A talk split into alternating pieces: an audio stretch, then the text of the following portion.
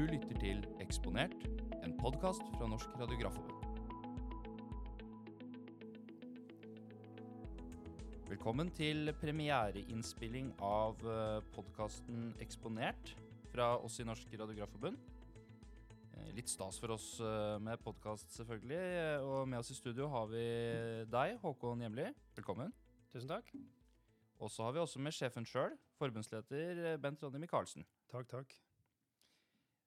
Et dagsaktuelt tema, og som egentlig har kickstartet året på både tematikken helse og arbeidsliv, det er eh, den mye omtalte helsepersonellkommisjonen. Og Bent Ronny, hvorfor får denne kommisjonen så mye oppmerksomhet, og hva er det? Helsepersonellkommisjonens rapport er en av flere NOU-er eh, som tar eh, mål av seg til å beskrive og beskriver eh, hovedutfordringer for norsk helsevesen, sykehusvesen, i årene frem mot 2040. En NOU er kort for norske offentlige utredninger, og det er en vanlig måte å utrede eh, utfordringer og utfordringsbilder på i Norge. Og Innen helseområdet så kommer i denne regjeringsperioden eh, NOU-er om sykehusutvalg, hvordan sykehusene er organisert, profesjonsmeldingen, folkehelsemeldingen. Så det er egentlig en av eh, mange meldinger som kommer nå på helseområdet. Eh, mens eh, Helsepersonellkommisjonen sin rapport får eh, mye oppmerksomhet fordi den er forventa at den skal peke på hovedutfordringer og ikke minst løsninger på utfordringene fremover. Og på en måte vært den rapporten som Arbeiderpartiet og, og Kjerkola, helseministeren, har, har vist til i, i, i, i, innad i regjeringsperioden til nå. da. Så Derfor har det, blitt, jeg bygd opp forventningene sjøl også. Og som du er inne på, er det en situasjonsbeskrivelse. Så det er, det er ikke direkte politiske tiltak, men det er ment som et underlag for fremtidig politikk. Ja, det er en rapport, og det er klart at uh, ut ifra rapporten så må man utforme tiltak og komme med, med tiltak som kan løse utfordringene. Håkon, eh, det er jo først nå at vi og resten av befolkningen får tilgang til selve rapporten, men eh, vi i forbundet har jo vært klar over eh, at det arbeides med dette lenge, og har spilt inn ting i den politiske prosessen. Kan du si litt om det, og hvordan vi jobber med sånne ting? Ja, det kan jeg godt. Eh, Det varierer jo egentlig ganske mye hvordan vi jobber politisk da, eh, med, med å svare på denne type rapporter. og Det kan være stortingsmeldinger, og det kan være lovendringer og flere ting som sendes gjerne sendes ut på høring også. Eh, ofte har vi veldig korte frister på oss, og da må vi gjøre ting litt kjappere enn enn det vi har hatt muligheten til denne gangen. Nå visste vi jo om denne helsepersonellkommisjonen og deres mandat i god tid, og kunne god tid før rapporten ble ferdigstilt, sende våre eh, innspill til hva de bør sørge for å, å eh, se på da, og løfte frem i rapporten som vi syns er viktig. Eh, Så vi sendte et ganske så fyldig svar allerede i oktober til helsepersonellkommisjonen. Og store deler av våre innspill ligger også som vedlegg å lese til NOU-en. Eh, og denne gangen hadde vi eh, såpass med tid at vi kunne ta en runde i organisasjonen vår, eh, og da primært i forbundsstyret og til tillitsvalgte, og be om innspill på de momentene vi tenkte var viktige å, å, å belyse. Så det har vi fått, fått gjort. Og nå pågår det også en prosess sammen med de andre helseforbundene i Unio å komme med svar på selve innholdet i rapporten som er lagt frem. da. Så vi skal ha et, eh, et møte der om eh, noen uker, og så er det en frist om eh, et par måneders tid da, å komme med innspill til eh, rapporten. Og hensikten da er, som du er inne på, selvfølgelig at eh, også da radiografens perspektiv skal tas med inn i dette arbeidet. Ja, ja, selvfølgelig. Vi er en eh, organisasjon for radiografer og stråleterapeuter, og vi tar med oss våre perspektiver i forhold til deres rolle i helsetjenesten. Det er klart. Ja, det var litt om liksom, prosessen og hva dette er for noe, Bente Ronny. Men uh, det er klart dette er en fyldig rapport med mange perspektiver. Uh, skal vi gå litt inn på hva er det som står der? Ja, den har jo uh, litt alarmerende tittel, at 'Tid for handling' heter det. Og en undertekst er også at færre hender skal gjøre mer. Og det er klart at Man kan jo alltids diskutere om det er, et, eh, om det er realistisk at uh, på, uh, på, inngangen til en stor eldrebølge så skal færre hender gjøre mer. Så har det jo, peker det jo på flere innsatsområder man kan uh, sette en innsats på for å avhjelpe utfordringene. da. Men det er klart at i, i utgangspunktet så er det, beskriver de noe som har vært beskrevet i snart 20 år. Og det er det at uh, vi står foran en, en eldrebølge, uh, og vi vil ha færre hender i arbeid. Og tanken er at det også ikke kan komme flere ansatte i, i helse- og omsorgssektoren. Det er utgangspunktet kritisk til. Fordi at jeg tror at uh, man, samtidig som man peker på teknologi og, og, og organisering, så der er mye å hente. Det er jeg helt innforstått med. Men jeg tror allikevel at i stort så er man faktisk avhengig av, eh, av en del hender for å løse oppgaven her. Der er um, Bl.a. I, i omsorgssektoren så er jo antall hender uh, allerede for få. ikke sant? Man ser jo daglig oppslag fra, fra bl.a. Um, kommunehelsetjenesten med for få hender. Og, det, og, egentlig i sykehus også så ser man at det er, det er ganske pressa systemer. Og vi har en egen rapport om radiografer fra eh, 2020 ved inngangen til pandemien, som er et mellom menneske og maskin. Det er en Fafo-rapport som ut, ble utarbeidet på oppdrag fra oss, da, men som allerede viser at vi og radiografene ute er ganske pressa.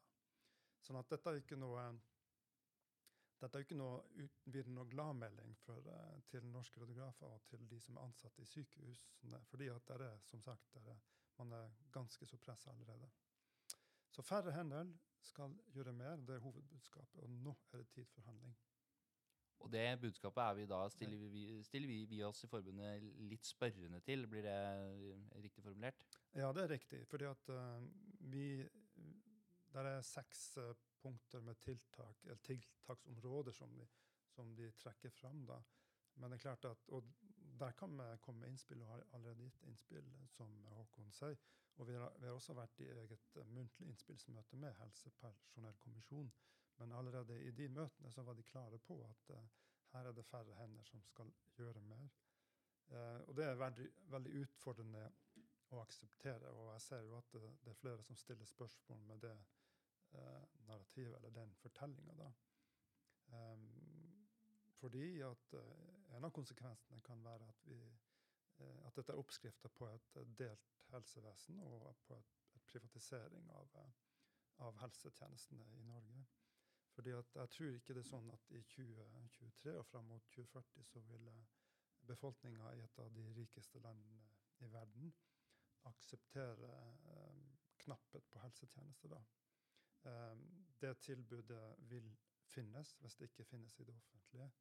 Vi er også omfatta av en EØS-lovgivning og en EU-lovgivning som gir oss rettigheter i Europa.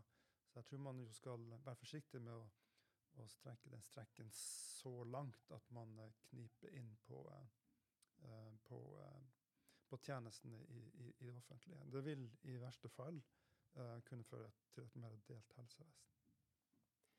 Så ser vi jo også at vi hadde en stresstest på helsetjenesten under pandemien. Eh, vi så hvor tynt bemanna vi faktisk var. Eh, og når det gjelder radiografer og stråleterapeuter, så skulle det ikke mye sykdom til før man måtte rett og slett eh, stenge deler av drifta. Og vi har lenge sagt dette, det har vært tid for handling i mange år. Eh, men det var liksom en, en, nok en bekreftelse på at det er faktisk tid for handling. Man må gjøre noe med, med, med sårbarheter som vi ser er der ute. Eh, så kom det også nettopp tall fra Helsedirektoratet på at uh, ventelisten har jo faktisk økt. For det om antallet som er blitt behandla siste år, også har økt. Så hvordan man skal klare å gjøre mer med færre hender, er vanskelig å se for seg. Mm. Ja, og du kan si at uh, um, de beskriver jo flere ting her. Og de, de beskriver jo også flere scenarioer der man uh, kanskje mangler, eller trenger alt, helt opp mot 30-35 flere hender innen de fleste yrkesgrupper innen uh, 2040. Og det er klart at det er svært utfordrende. Men det er ikke noe nytt. Det har vært beskrevet i eh, diverse rapporter fra SSB i mange år. Uh, uh, men de utfordringene skal ikke løses uh, i hovedsak med flere hender, ifølge Helsepersonellkommisjonens rapporter. Og til det bildet kan vi også legge til at det er en generell utfordring i økonomien med Mm. tilgang på arbeidskraft, som dere er inne på begge to. ikke sant? Så det er klart at En ting er jo, hvis man skulle bestemme seg for da å øke antall årsverk, så vil man jo fortsatt slite med å få tak i de årsverkene, kanskje. Det er, det er flere ting å, å pusle med i årene fremover her. Ja, og det er klart at uh, det de også peker på, er jo at uh, det vi i alle fall ikke må gjøre i, i, de, i det kommende tiåret, det er å ha en politikk og en arbeidslivspolitikk som gjør at uh, radiografer og andre faktisk slutter i sykehusene og finner seg annet arbeid. Det ser vi en liten tendens på nå. Så å faktisk beholde det, de vi har, samtidig som man må nok rekruttere flere i årene som kommer, det er faktisk også et hovedpunkt som omtales i rapporten. Da. Og vi ser jo vi ser tendenser allerede at uh, der, er, der er stor turnover i en enkelte sykehusavdelinger, altså på, på røntgenavdelinger. Og vi får en del rapporter på at uh, avdelinger rundt omkring i landet ikke får kvalifiserte søkere til utlyste stillinger. Rapporten er jo også inne på det at det er visse utfordringer faktisk med å, å, å rekruttere visse personell. Og det gjelder ikke bare sykepleiere, som det snakkes mye om, det gjelder også psykologer, bioingeniører og faktisk radiografene. Så de, de, påpeker jo at der, den mangelen kan også bli stor for radiografer frem mot 2040. Og da må vi beholde de vi faktisk har. Mm. Okay. Ja, og en, et moment som, som, forsterker det bildet der, er jo at det for første gang, i hvert fall så lenge jeg har vært radiograf, og det begynner å bli noen år, så er det mangel på radiografer i både Danmark og Sverige. Stor mangel også. I tillegg til at vi vet at det er stor mangel i, England. Men i de landene som vi stort sett deler arbeidsmarked med, så er det samtidig mangel på radiografer, uten at det er noe signaler om å øke utdanningskapasiteten for de samme gruppene. Vi ser jo òg at vi nå i, Norge, men også de andre landene, får flere og flere pensjonister. Folk har nærma seg pensjonsalderen også blant radiografer, som er en relativt ung yrkesgruppe enda i Norge, eh, som forsterker den effekten, og som vil eh, være en stor utfordring fremover med tanke på å få nok eh, radiografer. Ja, det er riktig. det. Og rapporten beskriver jo også uh, utdanningstakt på radiografer. Og den, uh, det har vært faktisk ganske stort frafall de, de senere år. Pandemien gjorde nok sitt da. Uh, så jeg frykter jo at vi kan havne i en, situasjon som nylig ble beskrevet i Hellas. vel, At en, en CT-lab måtte stenges, og man fikk ikke utført ganske viktige hjertekarundersøkelser fordi at man hadde ikke radiografer. Så det er en helt reell utfordring allerede. Og, og det blir jo selvfølgelig spesielt innenfor helse ved at dette til syvende og sist da, Det som er frykten, er jo at det skal gå utover pasienten. Og det er klart at innenfor tematikken helse kan jo det være snakk om liv og død. Så det er klart dette er viktig. Ja, helt klart. Og, og, og du kan si nå nå er jo bildediagnostikk en, si, en service og en konsulentvirksomhet, holdt jeg på å si innen sykehusvesenet. Men det er klart at det blir, det er blitt utrolig mye mer uh, integrert som en del av behandling. Og, og uh, man kan jo bare nevne pakkeforløp, f.eks.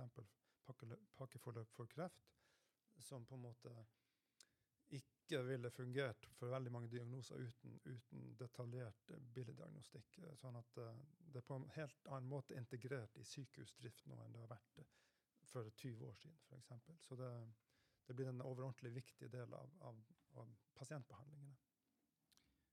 Hvis vi beveger oss litt uh, inn i liksom, organiseringen av uh, rapporten, da, uh, så pekes det på seks tiltaksområder hvor man kan gjøre grep for å løse personellutfordringer og tilgangen på arbeidskraft. og en av disse faktorene er digitalisering, f.eks. Hva, hva tenker du om disse, disse, ulike foreslåtte tiltaksområdene, Håkon?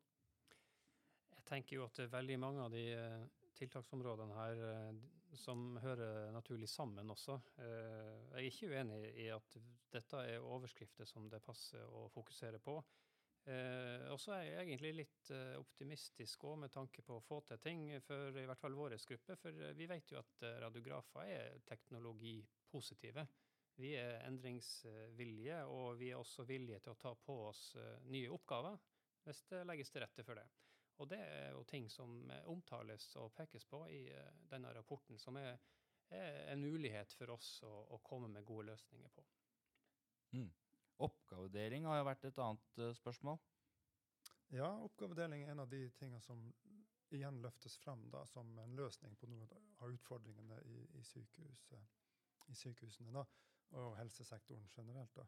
Og det er klart at um, For å ta dette med digitalisering først, da, så er det jo litt uh, artig å, at digitalisering har fått et veldig fokus de siste ti årene i, generelt i Norge, og også innen helsetjenestene. Men vi representerer jo en gruppe da, som har hatt en digitaliseringsbølge for 20-25-30 år siden. Sånn at uh, vi som gruppe har vært veldig tilpasningsdyktige til, til, nye teknikker som kommer. Så jeg er også jeg er optimist i forhold til det som Håkon sier, at dette er Um, radiografer og stråleterapeuter er, er tilpasningsdyktige og, og teknologioptimistiske. Oppgavedeling, ja. Man fokuserer en del på det. og det er klart at Den store utfordringa der er, er, er arbeidsdelinga for å si det sånn, mellom, mellom fagarbeidere og sykepleiere. Det, der pekes det konkret på det.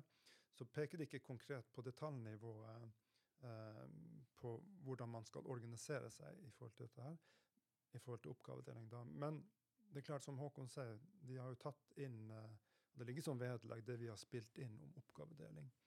Og vi vet jo fra, vi har flere gode eksempler i Norge på der oppgavedeling faktisk uh, fungerer. Uh, så det gror smått om senn opp flere beskrivende radiografer på skjelettundersøkelse og, og ultralydradiografer. Og vi syns jo det er bra at det fokuseres igjen på det. For det, det, er klart, i et kompetanseperspektiv så, så, er det noe med å løse de oppgavene som må løses med, på et lavest mulig nivå kompetansemessig. Og som også er kostnadseffektivt og økonomisk fornuftig. Og vi har jo i våre innspill gjennom mange år vist til uh, utviklinga i, i, England, Storbritannia og, uh, og Danmark også, for så vidt. Og spesielt Storbritannia og England har jo hatt en utvikling i, i 20 år med, med ressursknapphet og uh, økonomiske utfordringer som har gjort at de har måttet gå inn på dette mye mer strukturert, overordna og på en skikkelig måte enn man har vært nødt til i Norge. Så har vi et oljefond som lurer bak, og som vil kunne finansiere helsetjenestene i overskuelig fremtid. Men det er klart at det er jo et spørsmål hvor mye man, man skal bruke på helse. da og hvordan man organiserer seg. Så oppgavedeling er jo en fornuftig inngang på å, å løse problematikk på et uh, lavest mulig nivå. Og det er også et tema vi har uh, hatt på dagsorden i veldig mange år i uh, forbundet. vi har gjort utallige undersøkelser på dette, og vi har fått laga vitenskapelige rapporter på det også, som, som, som vi bruker i vårt politiske arbeid. Det som, eh, det som, er viktig å være klar over når det gjelder oppgavedeling, er jo at eh, det må legges til rette for det. Det er ikke bare å vedta det politisk at nå må det skje en bedre oppgavedeling, bruk av ressurser i sykehusene. Det må faktisk legges til rette for det. Og for eh, radiografien, for radiografer og stråleterapeuter, så er det allerede ganske så krevende å holde seg faglig oppdatert. Det er en rivende teknologisk utvikling. Mange føler nok at de står litt i spagat i forhold til de oppgavene de allerede har.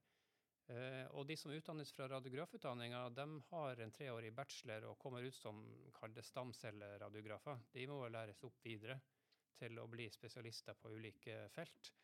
Uh, og disse feltene fortsetter å spesialisere seg. Uh, og vi trenger flere gode videreutdanninger som svarer til det behovet. Skal det være oppgavedeling, så må det være formell kompetanse som ligger bak, i tillegg til at man er enig om eh, hvordan dette skal foregå i praksis. Ja, det er riktig det at uh, når vi får spørsmål fra medlemmer eller radiografer og stråleterapeut, så tenker disse baner, så, så peker vi alltid på at uh, formell kompetanse er det som må gjelde. Og det er det, det, er det short for i Norge. Så de fleste må utenlands England for, for, å få formell kompetanse på det. Så er det jo også klart muligheter på, uh, innen oppgavedeling som gjøres noe ute, og det er jo med delegerte oppgaver. ikke sant? Og, og da snakker man kanskje om andre typer oppgaver, som ja, f.eks. prioritering av henvisninger osv. Vurdering av berettigelse.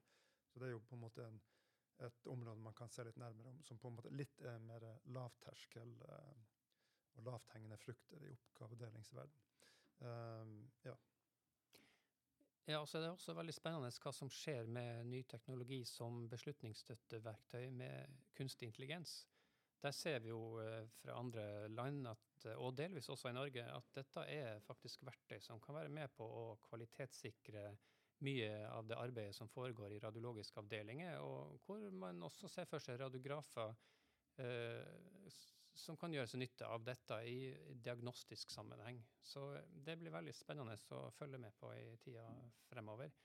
Så vil jo vi også at dette eh, kan reguleres. Denne spesialiserte radiografkompetansen som vi var innom her i stad, den kan reguleres gjennom å åpne for at også noen av våre grupper kan få en offentlig spesialistgodkjenning. Det vet vi sykepleierne har fått uh, til nå. og Dette kan være et redskap fra myndighetenes side på å kvalitetssikre bedre fordeling av oppgaver ute i tjenestene. Så, så, er jo organiseringen av tjenesten et av de andre punktene, et politisk betent punkt, hvor det er snakk om desentralisering mot sentralisering f.eks. Det, det har jo også noe med dette å gjøre. Jeg vet ikke, Hva tenker vi om det? Ja, bare først kommentere at dette med oppgavedeling også er jo et av forslaget til, til kommisjonen at det settes av midler til prosjekter. eh, som en del av, av eh, For å utrede og, og finne gode eh, områder man kan gjøre fornuftig oppgavedeling på. Så der kommer vi nok til å foreslå, foreslå konkrete prosjekter hva man kan gjøre. Organisering, ja. Jeg la merke til at uh, på prestasjon så hadde vi også De har også forslag, eller i hvert fall tanker om at man bør ha ett nivå i helsetjenesten. Og det er klart at uh, I Norge så har man kommunal helsetjeneste og spesialisthelsetjenesten. og til en viss grad så hender det jo at pasienter blir litt kasteball mellom de to nivåene. Um, så der hadde de jo noen tanker om å få ett nivå, en felles tjeneste. Og det er jo land som har det. Jeg tror Finland er litt mer i den retninga, og Spania er litt i den retninga. Uh, men sånn som jeg forsto det, da, så ble det litt for mye for helseministeren. Og det ble vel, om ikke lagt død på, på um, på scenen der i hvert fall så er man skeptisk det. Er klart det krever helt andre, eh, helt andre tiltak og et mye større grep om man skulle også gå inn på sånne på sånne eh, store omorganiseringer.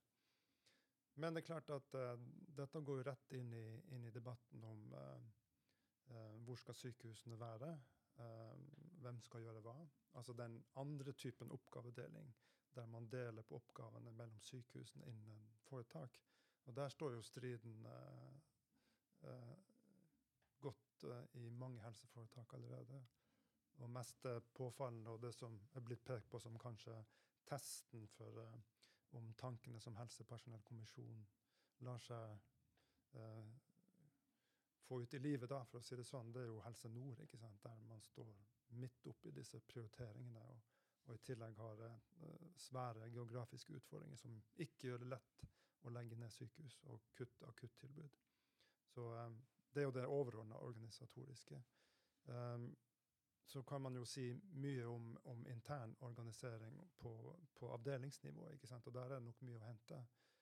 Der peker også Håkon på, på dette med berettigelse, og, og, og jeg peker på eh, oppgavedeling innen prioritering og, og, berettigelse av henvisninger. Der kan man også bruke KI-systemer, altså systemet bygd på kunstig intelligens på noe sikt. Men det er klart at der, der er mye å hente. og jeg tenker også, også å ha radiografer som er trent til å vurdere berettigelse, vil kunne avlaste radiologer og, og systemene innad i avdelingen ganske mye. Og det er klart at Innen noen sykehus så gjør man dette allerede. Og ved røntgeninstituttene gjøres det jo allerede. så at vi har jo, vi har jo en del å, å, peke på og litt erfaring på det området. Så der er, der er nok en god del å hente på organisering. Det tenker jeg er et av hovedpunktene i, eh, i, eh, i rapporten. Ja, det er, det, er, det, er, det er, mange ting som må gjøres. Det, det er det ingen tvil om. Arbeidstid nevnes jo også som en ting. Dere har vært, tidligere vært inne på denne rapporten om arbeidsintensitet vi fikk mm. utarbeidet for noen år tilbake, hvor det fremgår at mange radiografer føler seg veldig presset på jobb og i, den, i sin arbeidssituasjon. Tilsvarende historier hører vi fra andre helsegrupper. Hva er utfordringen eh, vi må søke å ivareta her? Ja, en utfordring eh, som vi så etter den eh, Fafo-rapporten som du eh, peker på her, sånn, det er jo at eh, man må prioritere pasientretta arbeid. Eh, og det går jo i, i, det lange løp på bekostning av å holde seg faglig oppdatert, f.eks. Uh, som er en utfordring, og som vi for så vidt har et lovpålagt krav på oss til å ivareta. Vi skal sørge for at vi er faglig oppdaterte. Og uh, vi skal f.eks. ha årlig opplæring i, i, strålevern. Og hver gang det er en ny prosedyre eller en ny modalitet i avdelinga, så skal det være konkret opplæring på den før man bruker den på pasienter. Sånne ting kan uh, nedprioriteres, tenker jeg, når det er knapphet på personell og man må prioritere køa på venterommet. Uh, og vi ser det jo i vår kursvirksomhet også, at uh, på slutten av hvert uh, kalenderår så er det tomt for penger for å sende folk på våre kurs, som er viktige etterutdanningstilbud til, til radiografer og stråleterapeuter. Så, så, vi skulle jo ønske oss at, at vi hadde mer ressurser verna til, til ivaretakelse av kompetanse. Helt klart. Og det er klart at det er jo noe med en arbeidslovgivning her også. Ikke? At man skal ha en forsvarlig situasjon for de som faktisk står i dette. Vi vet jo at strikken er tøyet langt. Ja, og det er klart at uh, rapporten og kommisjonen peker jo også på de ulike yrkesgruppene i sykehusene, f.eks. Og der er jo leger den eneste yrkesgruppa som har uh, unntak fra ML og har på en måte, hva skal jeg si, særavtale for å gå flere timer per uke. Og, og dermed tar man ut mer tjeneste og mer arbeidstid. Uh, den er jo interessant på mange måter, denne rapporten. fordi at den, den viser jo, Det er jo litt uh, nye SSB-tall, og man har jo hatt en, uh, en egen, eget prosjekt inni SSB for å hente ut tall her. da. Det som er i hvert fall klart, og som vi visste fra før, er at vi har en veldig heltids, heltidskultur blant våre. Og vi er faktisk nummer to etter legene i forhold til heltidskultur. Og 95 eh, jobber faktisk heltid, skal man tro SSB-tallene i rapporten. Eh, sånn at det er ikke så mye mer å hente eh, på, å fylle opp deltidsstillinger, som det vil være blant andre yrkesgrupper. På, spesielt på pleie- og omsorgssida. Der er det mye å hente på, på å få inn fulle stillinger og, og gi fortrinnsrett til full stilling. Vi har lite å hente der. Eh, så kunne man ha tanker om at eh, vi kunne hente ut eh, mer arbeidstid og inngå særavtaler på det. Det er noe som vi har en, en løpende dialog med, med tillitsvalgte om. Fordi at vi vet at den tjenesten vi leverer, stråleterapi og billeddiagnostikk, den er så viktig at den også avstedkommer mange særavtaler. Så det jobbes en god del overtid for at tjenesten skal fungere. Um, men det er på en måte overtidsbetalt, og det er på en måte ikke inn i en, i en arbeidstidsordning som gir noe mer enn akkurat de timene du går ekstra. Men samla sett så har man heltidskultur. Det er lite å hente der, og mye av tjenestene leveres faktisk ved overtidsarbeid. Vi må begynne å tenke på å gå inn for landing, eh, mine herrer. Men uh, sist, Håkon, hva, Eh, har du noen avsluttende tanker? Ja, jeg tenkte at uh, Et viktig moment å ta med her sånn er jo å sørge for at de radiografene, de erfarne radiografene som nærmer seg pensjonsalderen, føler at de er faglig oppdatert og kan stå uh, lengre i jobbene sine. Verdien av det er det gjort beregninger på. Kan alle radiografer stå ett år lengre i jobb, så betyr det ca. en milliard for samfunnet. Så det må vi ta med oss i, i dette bildet. Det er fysisk tungt, men det er også uh, vanskelig å holde seg faglig oppdatert på den nye teknologien. Og eh, det kan vi gjøre noe med. Det er mye å, å, ta tak i, og det er klart at dette kommer, bli, dette kommer til å bli satt på dagsorden i månedene og årene fremover, skulle man tro. Med det tror jeg eh, vi takker for oss. Nei, sjefen sjøl har et innspill, og det er lurt å lytte til sjefen. Ja, jeg vil bare følge opp det Håkon, Håkon sier. at Det er klart at uh, igjen, de peker på at, Kommisjonen peker på at uh, et, en hovedutfordring blir faktisk å, å, beholde også rekruttere, men du må også beholde de du faktisk har. Uh, og det må innebære at lønns- og arbeidsvilkår innen disse tjenestene vi snakker om, altså radiografer og stråleterapeuter, de kan ikke skille seg vesentlig fra det en radiograf eller en stråleterapeut vil få ved å slutte i sykehusene og begynne i nærmest hvilken som helst annen virksomhet. For det av, kan være litt av realiteten i dag. Samla sett så må det være eh, vilkår som gjør at man faktisk vil jobbe i tjenesten, og at man vil jobbe der til pensjonsalder. Det er faktisk én eh, hovedløsning på utfordringene. Dette er åpenbart jeg som forhandlingssjef veldig fornøyd med å gå ut på, så da takker jeg for uh, deres bidrag, Håkon og Metroni. Og så sier vi fra vårt uh, møterom her i Rådhusgata tusen takk for at du hørte på første innspilling av podkasten uh, Eksponert fra oss i Norsk Radiografforbund. Vil du vite mer, finner du oss på radiograf.no og på sosiale medier.